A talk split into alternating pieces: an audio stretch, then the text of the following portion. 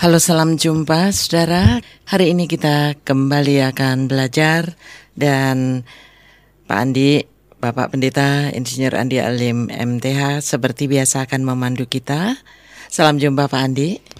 Ya salam jumpa Bu Bebe Kita bersyukur pada Tuhan untuk anugerahnya bagi kita semua Yang selalu memberi kita yang terbaik.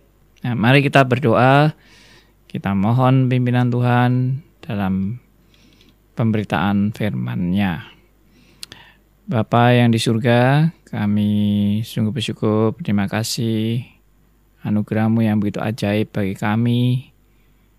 Dan kami tiap hari boleh mengalami pembaharuan demi pembaharuan oleh pekerjaan roh kudus dan melalui firman Tuhan. Kami juga percaya hari ini Tuhan juga memberikan kami yang terbaik. Dan firman-Mu juga boleh menegur dan memperlengkapi kami sebagai orang-orang percaya agar kami makin teguh di dalam Tuhan, makin berkomitmen dan bersungguh-sungguh dalam mengikut Engkau. Dan kami belajar juga hidup kami menjadi saluran berkat bagi orang-orang lain. Kami mau serahkan doa kami dalam nama Tuhan kami Yesus Kristus, Tuhan dan Juru Selamat kami yang hidup sampai selamanya. Amin. Ya saudara, kita sudah belajar uh, tentang Sola Kristus untuk yang lalu uh, keharusan Kristus ya Pak Andi. Baik, untuk yang akan datang hmm. atau hari ini kita akan lanjut lagi dengan pelajaran tambahan. Iya. Nah, saudara kita sudah belajar kenapa Kristus harus menjadi manusia. Beberapa waktu yang lalu kita juga belajar bahwa Kristus itu adalah Allah. Dan pertanyaannya adalah kenapa Allah harus menjadi manusia? Nah, mungkin masih ada yang meragukan bahwa Kristus adalah Allah. Ya, dan jarang orang mempermasalahkan bahwa Kristus itu sungguh-sungguh manusia. Sem hampir semua orang atau semua agama itu percaya bahwa Yesus ada dan Yesus adalah manusia. Tapi yang menjadi kesulitan adalah mereka tidak percaya bahwa Yesus adalah Allah. Allah yang menjadi manusia. Dan sebagian bahkan mengatakan hmm, buat apa Allah harus menjadi manusia? Kalau itu alasannya adalah untuk menolong manusia, bukankah Allah sanggup menolong manusia. Tidak usah harus menjadi manusia. Nah inilah yang menjadi problem. Kenapa kok Yesus harus yang adalah Allah itu harus menjadi manusia? Nah seserah saya akan mengulang sedikit mengenai keberadaan Kristus adalah benar-benar sebagai Allah. Ya, supaya kita lebih mantap. Nanti mengenai kenapa Allah menjadi manusia, kita akan lebih bisa menerima. Tapi apakah Yesus benar-benar Allah? Nah, mari kita lihat di Filipi pasal 2 ini khususnya di ayat uh, 5 5 ayat 5 dan ayat 6 ya ayat 5 itu sebetulnya hanya uh, penekanannya siapa dia itu yaitu Kristus. Ya ayat 6 terutama yang menjadi fokus. Nah, Bu Pipi akan membacakan kepada kita ayat 5 dan ayat 6 dari Filipi pasal 2 Filipi pasal 2 ayat 5 dan 6 hendaklah kamu dalam hidupmu bersama menaruh pikiran dan perasaan yang terdapat juga dalam Kristus Yesus, yang walaupun dalam rupa Allah tidak menganggap kesetaraannya dengan Allah sebagai milik yang harus dipertahankan. Ya, perhatikan di sini dikatakan walaupun dalam rupa Allah. Berarti Kristus memiliki rupa Allah. Tapi mungkin masih banyak orang yang mengatakan ya kita semua kan juga rupa Allah gitu. Bukan hanya Kristus saja yang rupa Allah. Tapi ini tidak eh, kalimat ini tidak berhenti sampai di sini dan Kristus bukan hanya sekedar dalam rupa Allah tetapi memang benar-benar dia dalam keberadaan dia itu adalah Allah. Ya, coba perhatikan yang walaupun dalam rupa Allah tidak menganggap kesetaraan dengan Allah itu nah perhatikan. Kesetaraan dengan Allah itu berarti Tuhan Yesus itu punya kesetaraan dengan Allah. Nah ini yang sering kali orang juga mempertanyakan apa benar Kristus itu Allah Nah, Filipi 2 ayat 6 ini itu udah nggak bisa disangkal lagi bahwa Kristus itu punya kesetaraan dengan Allah, saudara. Yang dimaksud dengan Allah ini adalah uh, ya Allah Tritunggal, Allah Bapa, Allah Roh Kudus, dan Kristus adalah Allah Anak itu ada kesetaraan. Ya, saya akan bacakan coba dalam bahasa Inggris uh, authorized standard version. Di sini dikatakan who existing in the form of God. Ya. Jesus who existing in the form of God counted not the being on an equality with God a thing to be grasped. Ya, being on an equality with God. Nah, coba kita bisa perhatikan ini ya. Equality with God itu kesamaan dengan Allah, kesetaraan dengan Allah itu American Standard Version. Kemudian kalau di dalam King James Version juga sama ya. To be equal with God. Ya. It not robbery to be equal. Thought it not robbery to be equal with God. Jadi punya kesetaraan dengan Allah. Dalam dalam bahasa terjemahan lama, bahasa Indonesia terjemahan lama, tiada mengirakan hal itu sebagai suatu keuntungan menjadi setara dengan Allah. Ya ini mungkin bahasanya agak lebih rumit ini ya kalau terjemahan lama. Tapi terjemahan baru udah cukup jelas ya. Jadi tidak menganggap kesetaraan dengan Allah itu sebagai milik yang harus dipertahankan. Berarti dia punya kesetaraan dengan Allah tetapi tidak dipertahankan. Nah, kenapa tidak dipertahankan? Ya karena kalau dia Kristus itu adalah Allah dengan segala kemuliaan, kesucian, dan kesempurnaannya hadir di tengah-tengah manusia, maka tidak ada seorang pun yang mampu melihat Allah semua akan mati hangus karena kekudusan Allah yang luar biasa itu. Sedangkan kita orang berdosa yang tidak layak. Kita pasti juga melihat dia pasti buta karena keberadaan kita sebagai manusia itu melihat kemuliaan Allah itu udah kayak lebih terang dari ya ini ini hanya analogi ya.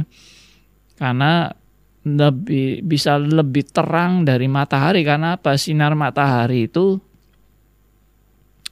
memang luar biasa sekali tapi sinar kemuliaan Allah itu pasti lebih hebat dari matahari. Ya. Nah, itu tidak bisa kita bayangkan. Sehingga ada orang yang bilang eh, kita menerima setetes saja dari kemuliaan Allah. Kita seperti orang yang mati gelagapan. Mau tenggelam atau kena tsunami. Gak bisa nafas lagi karena kemuliaannya yang luar biasa. Itu baru setetes saja dari kemuliaan Allah. Nah itu cuma, cuma sebagai gambaran saja ya. Oke. Lalu kita lihat ayat berikutnya. Ya. Kristus adalah Allah di ayat 9, 10 dan 11. Bisa dibacakan oleh Bu BP. Filipi 2 ayat 9, 10 dan 11. Filipi 2 ayat 9, 10 dan 11. Itulah sebabnya Allah sangat meninggikan dia dan mengaruniakan kepadanya nama di atas segala nama, supaya dalam nama Yesus bertekuk lutut segala yang ada di langit dan yang ada di atas bumi dan yang ada di bawah bumi, dan segala lidah mengaku Yesus Kristus adalah Tuhan bagi kemuliaan Allah Bapa. Ya. Nah, ini perhatikan Ya dikatakan itulah sebabnya setelah maksudnya Tuhan Yesus mau taat sampai mati di kayu salib. Itulah sebabnya Allah sangat meninggikan dia dan mengaruniakan kepadanya nama di atas segala nama. Ya mungkin bisa saja Kristus adalah manusia dan karena prestasinya sangat hebat Tuhan menghargai Kristus dan Tuhan memberikan Kristus gelar yang paling hebat uh, dari seluruh ciptaannya karena prestasinya Tuhan Yesus yang luar biasa. Ya, itu masih masuk akal. Tetapi ini yang dimaksud mengaruniakan nama di atas segala nama itu bukan hanya sekedar uh, Allah meninggikan dia begitu saja, tetapi meninggikan tuh sampai-sampai ayat 10 ya, sampai-sampai semu supaya dalam nama Yesus bertekuk lutut segala yang ada di langit dan yang ada di atas bumi dan yang ada di bawah bumi. Coba bayangkan. Jadi karunia Allah ini uh, yang memberikan kepada Yesus nama di atas segala nama itu bukan hanya sekedar oh kamu orang hebat gitu aja bukan tapi kamu orang yang memang paling hebat di atas semuanya dan semua menyembah Yesus semua menyembah Yesus dan ini ya nggak mungkin kalau Tuhan Yesus itu cuma ciptaan Ya, ini juga menjawab saksi Yehova dan Unitarian yang menolak bahwa Yesus adalah Allah. Unitarianisme menganggap bahwa Yesus hanya ciptaan manusia. Saksi Yehova juga menganggap Yesus hanya ciptaan manusia saja. Tapi bagaimana Allah menciptakan Yesus yang akhirnya semua orang menyembah Yesus? Ini sangat kontradiktif. Dan ini sesuatu yang yang sangat bertentangan dengan keberadaan Allah bahwa Allah itu satu-satunya yang patut disembah. Nah, sekarang Allah menciptakan sesuatu untuk disembah. Berarti Allah menciptakan untuk menjadi saingannya ciptaan yang menjadi saingannya. Semua orang akhirnya menyembah Yesus yang adalah ciptaan Allah. Dan itu nggak mungkin Allah menciptakan sesuatu untuk diberhalakan oleh manusia. Itu aduh itu kontradiktif sekali dan itu kacau sekali teologinya. Maka jelas-jelas uh, Unitarian dan Saksi Yehova itu teologinya nggak sesuai dengan Alkitab. Jadi coba pikirkan nih. Ya, ini benar-benar harus serius dipikirkan bahwa semua akan bertekuk lutut dan semua akan menyembah menyembah Yesus. Dikatakan bahkan yang ada di langit dan yang ada di atas bumi dan di bawah bumi, ya.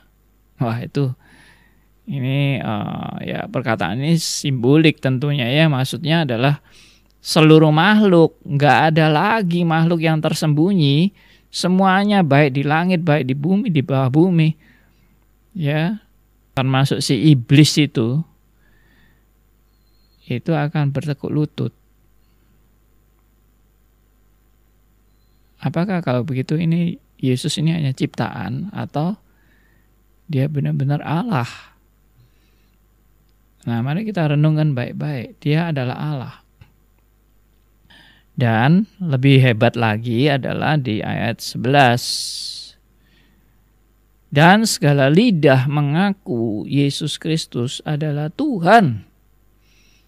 Baik kemul bagi kemuliaan Allah Bapa. Ya. Nah, ini jelas-jelas menunjukkan klimaks ya.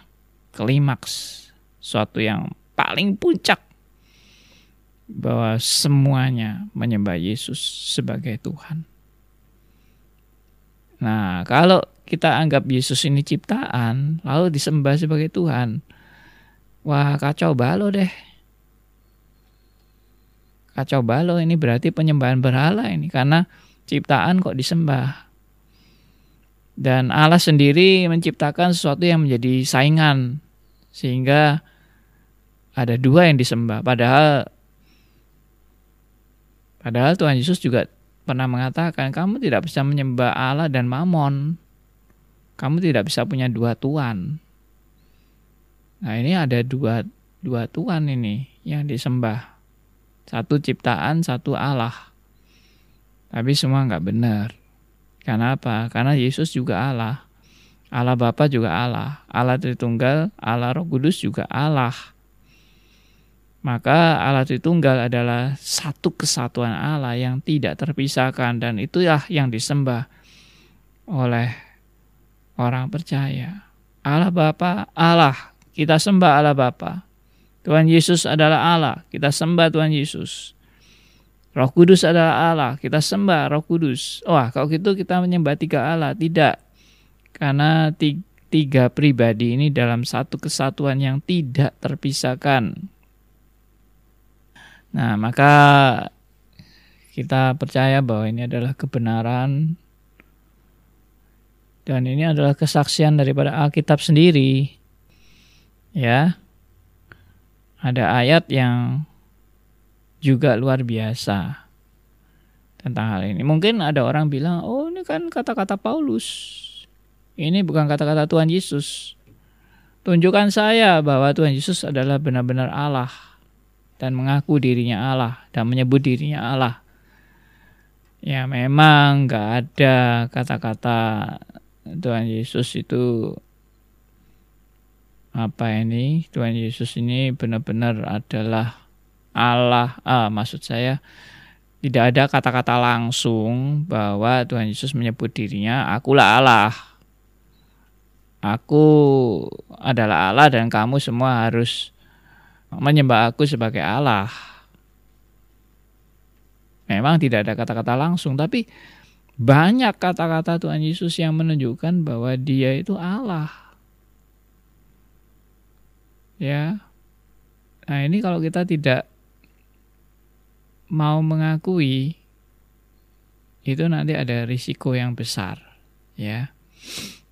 Mari kita lihat dari ayat lain yang bagi saya ini juga ayat luar biasa sekali dari penyataan Kristus sebagai Allah. Coba kita lihat dari Matius 28 ayat 18. Matius 28 ayat 18 akan dibacakan oleh Bu Pipi. Matius 28 ayat 18. Yesus mendekati mereka dan berkata, "Kepadaku telah diberikan segala kuasa di surga dan di bumi." Iya. Coba coba ini, bayangkan ini. Kalau Yesus hanya manusia dan dia adalah ciptaan Allah,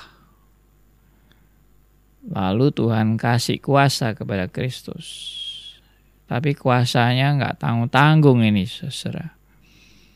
Ya, kalau kuasanya misalnya ya udah Yesus kamu udah hebat, kamu udah punya prestasi bagus, saya kasih kamu kuasa menjadi uh, penguasa Israel misalnya begitu. Ya, it's okay itu bahwa memang ada orang yang bisa jadi pemimpin negara atau menjadi raja ya atau peng, apa ya penguasa pejabat dan sebagainya kita percaya itu juga pemberian daripada Allah tapi ini kuasanya nggak main-main saudara apa itu yang diberikan kepadaku telah diberikan segala kuasa di surga dan di bumi. Waduh, gimana ini? Ya, apakah nggak salah ini Tuhan Yesus mengatakan ini? Saya coba dalam bahasa Inggris. Ya. And Jesus came to them and spake unto them, saying, All authority had been given unto me in heaven and on earth. All authority. Segala kuasa. Otoritas tertinggi telah diberikan kepadaku di surga dalam surga dan di dunia sudah nggak meragukan lagi nih saudara bahwa ini kata-kata Tuhan Yesus ini bukan kata-kata kacau, bukan kata-kata ngelindur ya toh, bukan kata-kata orang-orang mabuk. Bayangkan ini segala kuasa di surga dan di bumi telah diberikan kepadaku. Nah, berarti ucapan Tuhan Yesus ini kalau memang Tuhan Yesus manusia menerima kekuasaan yang begini hebat, pantaskah ciptaan manusia ini menerima kekuasaan yang demikian hebat seperti ini? Ya, coba renungkan baik-baik. Saudara-saudara mungkin juga kalau mau memberitakan Injil dan memberitakan siapa Yesus, Coba itu aja orang merenungkan itu ayat ini. Ini ayat ini apa maksud kalian? Ya, menurut kalian bagaimana Yesus ini? Dia manusia atau dia Allah? Atau dia manusia yang dialahkan, dijadikan Allah? Atau manusia yang naik statusnya dan mempunyai kedudukan yang mendampingi Allah? Waduh, luar biasa sekali manusia ini. Ya. Nah, ini uh, sekali lagi saya bilang tadi ini sangat kontradiktif dengan Allah yang seharusnya otoritas tertinggi dan semua harus menyembah kepada Allah, semua terfokus kepada Allah dan kekuasaan itu hanya ada pada Allah. Mana bisa kekuasaan Allah diberikan kepada ciptaannya? Hanya Allah sendiri yang mungkin kuasanya jadi berkurang dong. Atau orang-orang malah beralih kepada ciptaannya ini bukan kepada Allah lagi. Nah, jadi kembali lagi, kalau Kristus mengatakan ini, ternyata dia sengaja mengatakan yang nggak benar. Nah, coba ya, saya ulangi. Kristus mengatakan, kepadaku telah diberikan segala kuasa di surga dan di bumi.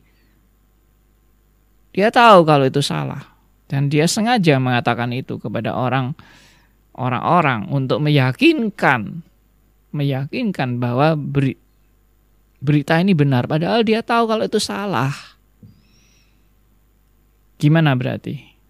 Ini nggak benar ini berita ini. Ini berita ini nggak benar. Tapi Tuhan Yesus dengan sadar beritakan ini padahal dia tahu kalau itu salah. Berarti apa kesimpulannya? Ya berarti Kristus itu pembohong. Ya, kepadaku telah diberikan segala kuasa di surga dan di bumi. Wah, omong kosong ini. Dengan kata lain, dia penipu. Dan dengan kata lain, semua orang Kristen yang percaya bahwa Kristus mengatakan ini, orang semua orang Kristen di dunia yang percaya kepada Alkitab dan ini adalah firman Tuhan Berarti semua orang Kristen ini percaya pada seorang yang namanya pembohong. Dan itu pembohong besar. Dan itu luar biasa sekali. Ini pembohongan yang benar-benar paling jahat. Dan paling penipu paling besar. Kenapa? Saya yakin gak ada orang yang berani ngomong seperti ini. Kecuali orang ini gak sadar apa yang dia omongkan. Tapi kalau dia sadar, dia manusia, lalu dia ngomong kayak gini, ya dia penipu besar. Kalau di antara orang Yahudi, orang berani ngomong kayak gini, dan dia adalah menipu, dia ngaku dirinya Allah, dia akan dirajam batu sampai mati. Ya. Nah, sekali lagi, kalau dia sadar bahwa ini salah, lalu dia katakan kepada orang-orang lain untuk meyakinkan sesuatu yang dia tahu itu salah, berarti dia sengaja menipu. Dan semua orang Kristen di dunia ini dari abad ke abad sampai hari ini semua apa ini tertipu semua oleh kata-kata Kristus ini. ya, yang kedua, kemungkinan yang kedua Saudara, bahwa Kristus mengatakan seperti ini nggak sadar kalau itu salah. Jadi dia merasa dirinya memang benar-benar merasa dirinya benar-benar menerima segala kuasa di surga dan di bumi. Padahal itu nggak benar. Dia dia nggak sadar kalau itu nggak benar. Dia nggak sadar kalau ini ucapannya itu salah. Berarti dia unconscious. Ya, orang yang unconscious selalu mengatakan bahwa aku kepada aku telah diberikan segala kuasa di surga dan di bumi. Tapi nggak sadar kalau itu salah, nggak sadar dia mengucapkan itu nggak benar. Ya, kalau tadi kan sengaja kan, kalau sengaja dia sadar, dia sengaja, dia bohong. Sekarang nggak sadar, tapi ngomongnya kayak gini nih, ngomongnya segala kuasa di surga, di bumi diberikan kepadaku, tapi nggak sadar kalau itu salah. Berarti apa? Berarti dia gila. Tidak ada kemungkinan lain kecuali gila, sakit syaraf ini. Orang ini nggak sadar apa yang dia ucapkan. Tapi ngomongnya vulgar sekali. Berarti kalau dia gila, semua orang Kristen di dunia ini percaya sama orang gila. Nah, argumentasi ini memang pernah diucapkan oleh seorang pengarang buku ya, seorang teolog yang mengatakan bahwa ada dua kemungkinan Kristus sadar atau enggak sadar mengucapkan kalau ini dianggap salah. Pernyataan ini salah. Kemungkinan pertama kalau itu pernyataan itu salah berarti dia melakukan dengan sadar. Kalau dia melakukan dengan sadar dia penipu. Nah, kalau pernyataan ini salah dan dia melakukan dengan tidak sadar, berarti dia itu gila. Ya, berarti kita cuma dua kemungkinan. Kalau pernyataan ini salah, dia semua orang Kristen ini cuma dua kemungkinan, menyembah penipu atau menyembah orang gila. Sangat konyol sekali kan. Jadi sangat kasihan sekali menjadi orang Kristen ini. Dan Rasul Paulus juga mengatakan kalau Yesus itu Cuma kita berharap kepada Yesus yang cuma di dunia ini aja. Ya, dan Kristus tidak bangkit dari kematian. Kita ini orang yang paling sial di dunia, paling malang. Ya. Karena apa? Kita menyembah yang keliru. kita menyembah yang salah dan konyol banget tuh menyembah Yesus sebagai Allah padahal dia bukan Allah. Ya, dia hanya manusia biasa. Oke. Berarti pernyataan ini kalau tadi nggak salah ya berarti benar. Kalau benar dia benar-benar dia adalah Allah. Kalau dia benar Allah dan dia dia mengungkapkan itu keberadaannya sebagai Allah, lalu saudara dan saya menolak. Berarti kita akan kehilangan suatu momen yang sangat penting dalam kehidupan ini. Berarti kita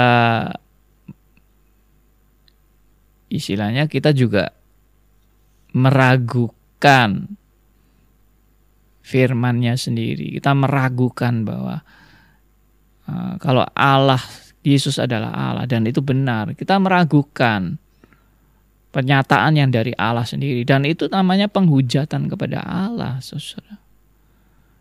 Ya, Allah bilang saya Allah. Kita kita lo bilang nggak percaya. Loh itu kan sama dengan Anda uh, menolak Allah yang benar dan menolak Allah yang benar itu sama dengan Anda menghujat kepada Allah. Nah, ini menjadi suatu perenungan, Saudara.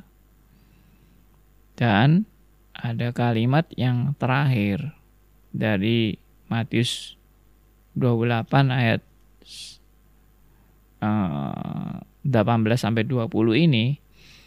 Ya tolong Bu Pipi saya bacakan di ayat 20 tapi yang kalimat terakhir Bu yang uh, kalimat bagian B ya yang terakhir itu. Silakan dibaca.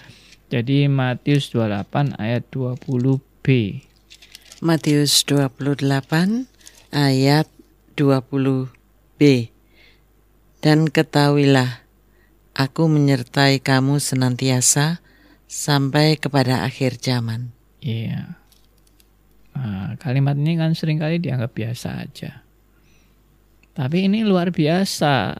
Maksudnya, kalau Kristus itu hanya manusia biasa, Mana mungkin Kristus itu bisa menyertai kita senantiasa ya sampai sampai kapan? Sampai akhir zaman. Menyertai murid-murid atau menyertai semua orang percaya karena ini mewakili ini adalah amanat agung yang di nyatakan untuk gerejanya dan gerejanya itu sepanjang abad saudara. Dan dikatakan Kristus itu menyertai kita semua menyertai gerejanya senantiasa itu sampai akhir zaman. Lalu kita bilang, loh kalau kamu manusia mana bisa kamu menyertai kita akhir zaman. Kamu udah mati, kamu udah dikubur ya kalau saya bilang sama oh, umat gereja yang saya gembalakan misalnya, saya akan menyertai saudara-saudara sampai akhir zaman. Ya orang ketawa. Kenapa lu kamu ini kamu ini nanti mati dikubur bagaimana kamu bisa menyertai kami sampai akhir zaman? Nah, perkataan ini pasti bukan perkataan manusia biasa, saudara. Kalau perkataan manusia biasa ini yaitu tadi saya bilang ini bisa gila atau ini menipu, ya. Ini nggak waras, dia nggak sadar apa yang dia ucapkan, atau ini orang yang orang yang lupa diri, ya atau korslet atau gimana gitu. Ini perkataan bukan perkataan biasa, saudara. Ini perkataan ilahi. Nah, biarlah ini meneguhkan saudara dan saya untuk lebih diyakinkan Kristus adalah benar-benar Allah yang menjadi manusia dan dia yang kita sudah pernah ungkapkan dialah yang menjadi korban yang sempurna di kayu salib ya seluruh korban di perjanjian lama yaitu korban domba yang dikorbankan yang tak bercacat, anak domba yang tak bercacat. Ya. Korban penebus dosa itu semua lambang, lambang apa? Lambang korban Kristus yang sempurna. Dialah Allah yang menjadi sem yang menjadi manusia dan menjadi korban yang sempurna.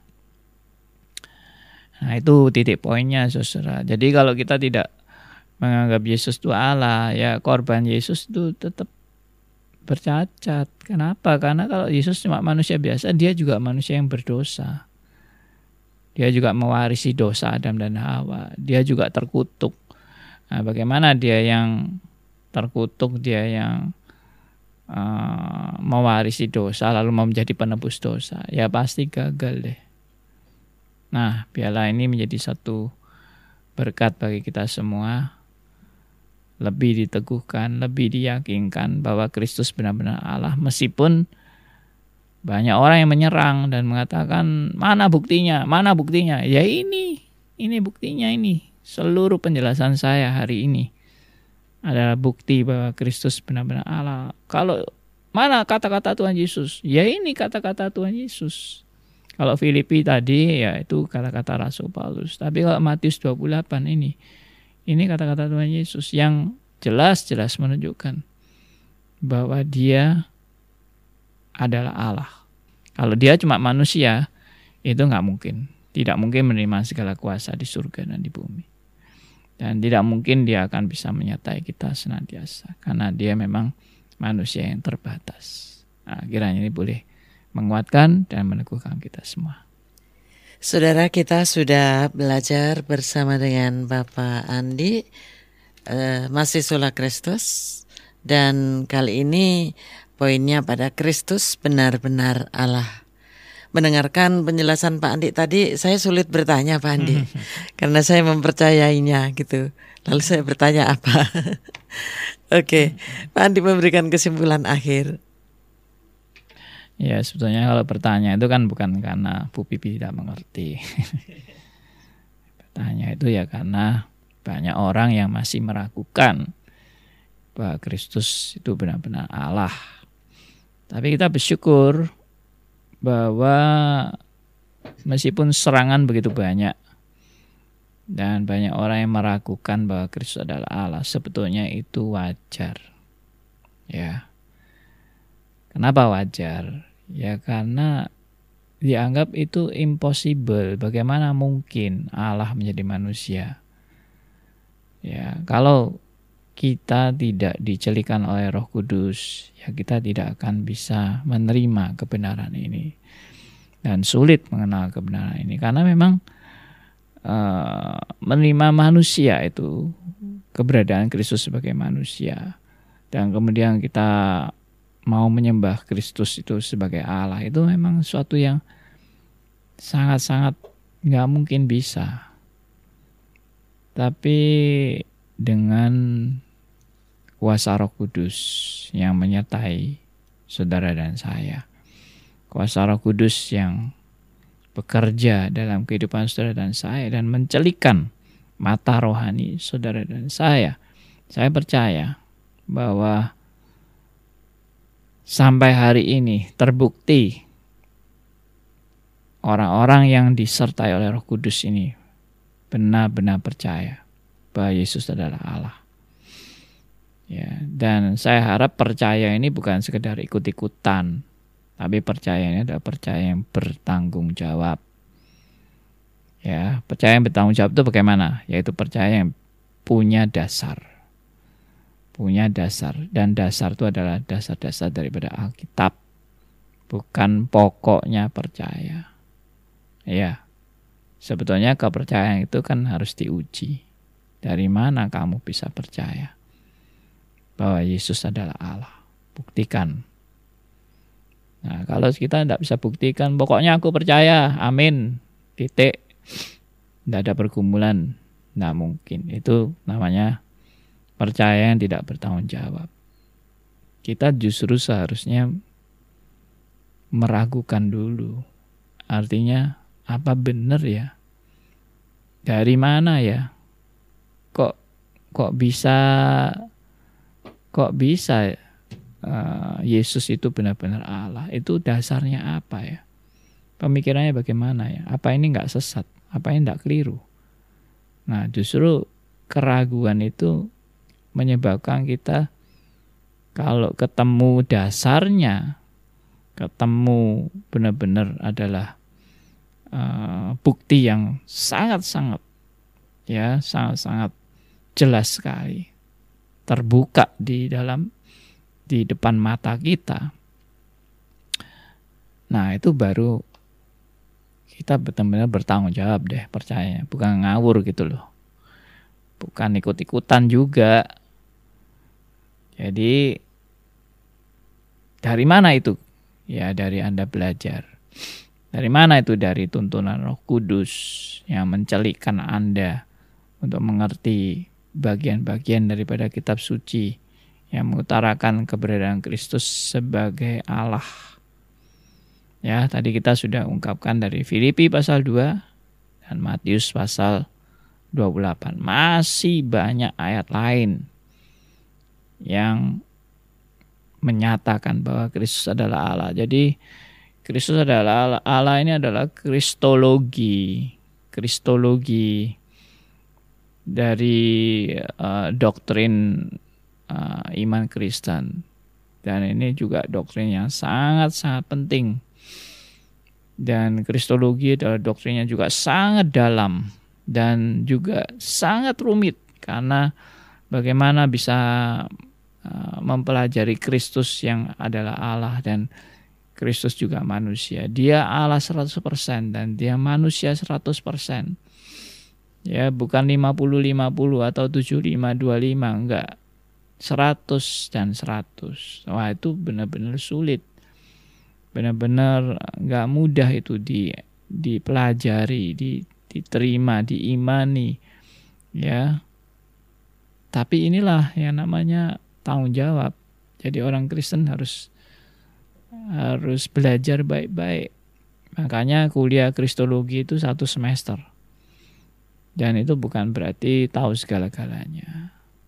Sudah kuliah kristologi ya masih banyak yang menjadi pergumulan sebagai orang percaya. Nah, biarlah ini meneguhkan, ini memperlengkapi kita, dan uh, dari dalam gerakan reform ini kita juga selalu memberikan sarana-sarana untuk belajar, ya doktrin kristologi, ada di STRIS, nah, juga ada seminar speak tentang kristologi dari pendeta Stephen Tong dan kawan-kawan. Nah, itu semua juga akan memperlengkapi kita untuk lebih mengenal, lebih mengenal Kristus. Luar biasa dalamnya. Kita aja yang sudah Kristen tetap masih banyak yang nggak ngerti tentang kristologi. Nah, mari belajar baik-baik. Kiranya Roh Kudus terus menyertai saudara-saudara dalam bergumul untuk makin mengenal kebenaran firman-Nya. Mari kita berdoa. Bapa yang di surga, kami bersyukur, berterima kasih karena kami boleh setahap lagi lebih mengenal siapakah Kristus. Kami diyakinkan bahwa Kristus adalah Allah berdasarkan pada firman-Mu sendiri. Kiranya kami makin diteguhkan, kami makin dikuatkan, kami makin berani juga bersaksi bahwa Kristus adalah Allah yang menjadi manusia. Hal yang luar biasa, anugerah Tuhan yang luar biasa. Tuhan nyatakan kepada kami dan kami boleh menjadi saksi kepada orang-orang yang Tuhan uh, nyatakan kepada kami. Kiranya kiranya ini juga makin meneguhkan kami dan tidak meragukan. Kami berdoa untuk seluruh pendengar siaran ini. Kiranya juga diteguhkan, dikuatkan. Dan mau percaya bahwa Yesus adalah benar-benar Allah yang menjadi manusia. Tuhan berkati kami semua, Tuhan berkati uh, seluruh kru juga Tuhan berkati kami semua. Kiranya radio ini juga boleh jadi berkat bagi banyak orang yang merindukan kebenaran. Dalam nama Tuhan kami Yesus Kristus, Tuhan dan Juru Selamat kami yang hidup, kami berdoa. Amin. Terima kasih Pak Andi. Terima kasih Bu Pipi. Terima kasih saudara yang sudah belajar bersama dengan kami. Sola Kristus. Dan hari ini poin kita pada Kristus benar-benar Allah. Kiranya pelajaran kita hari ini menjadi berkat dan kita akan jumpa lagi pada edisi yang akan datang dengan lanjutan pelajaran ini. Sampai jumpa.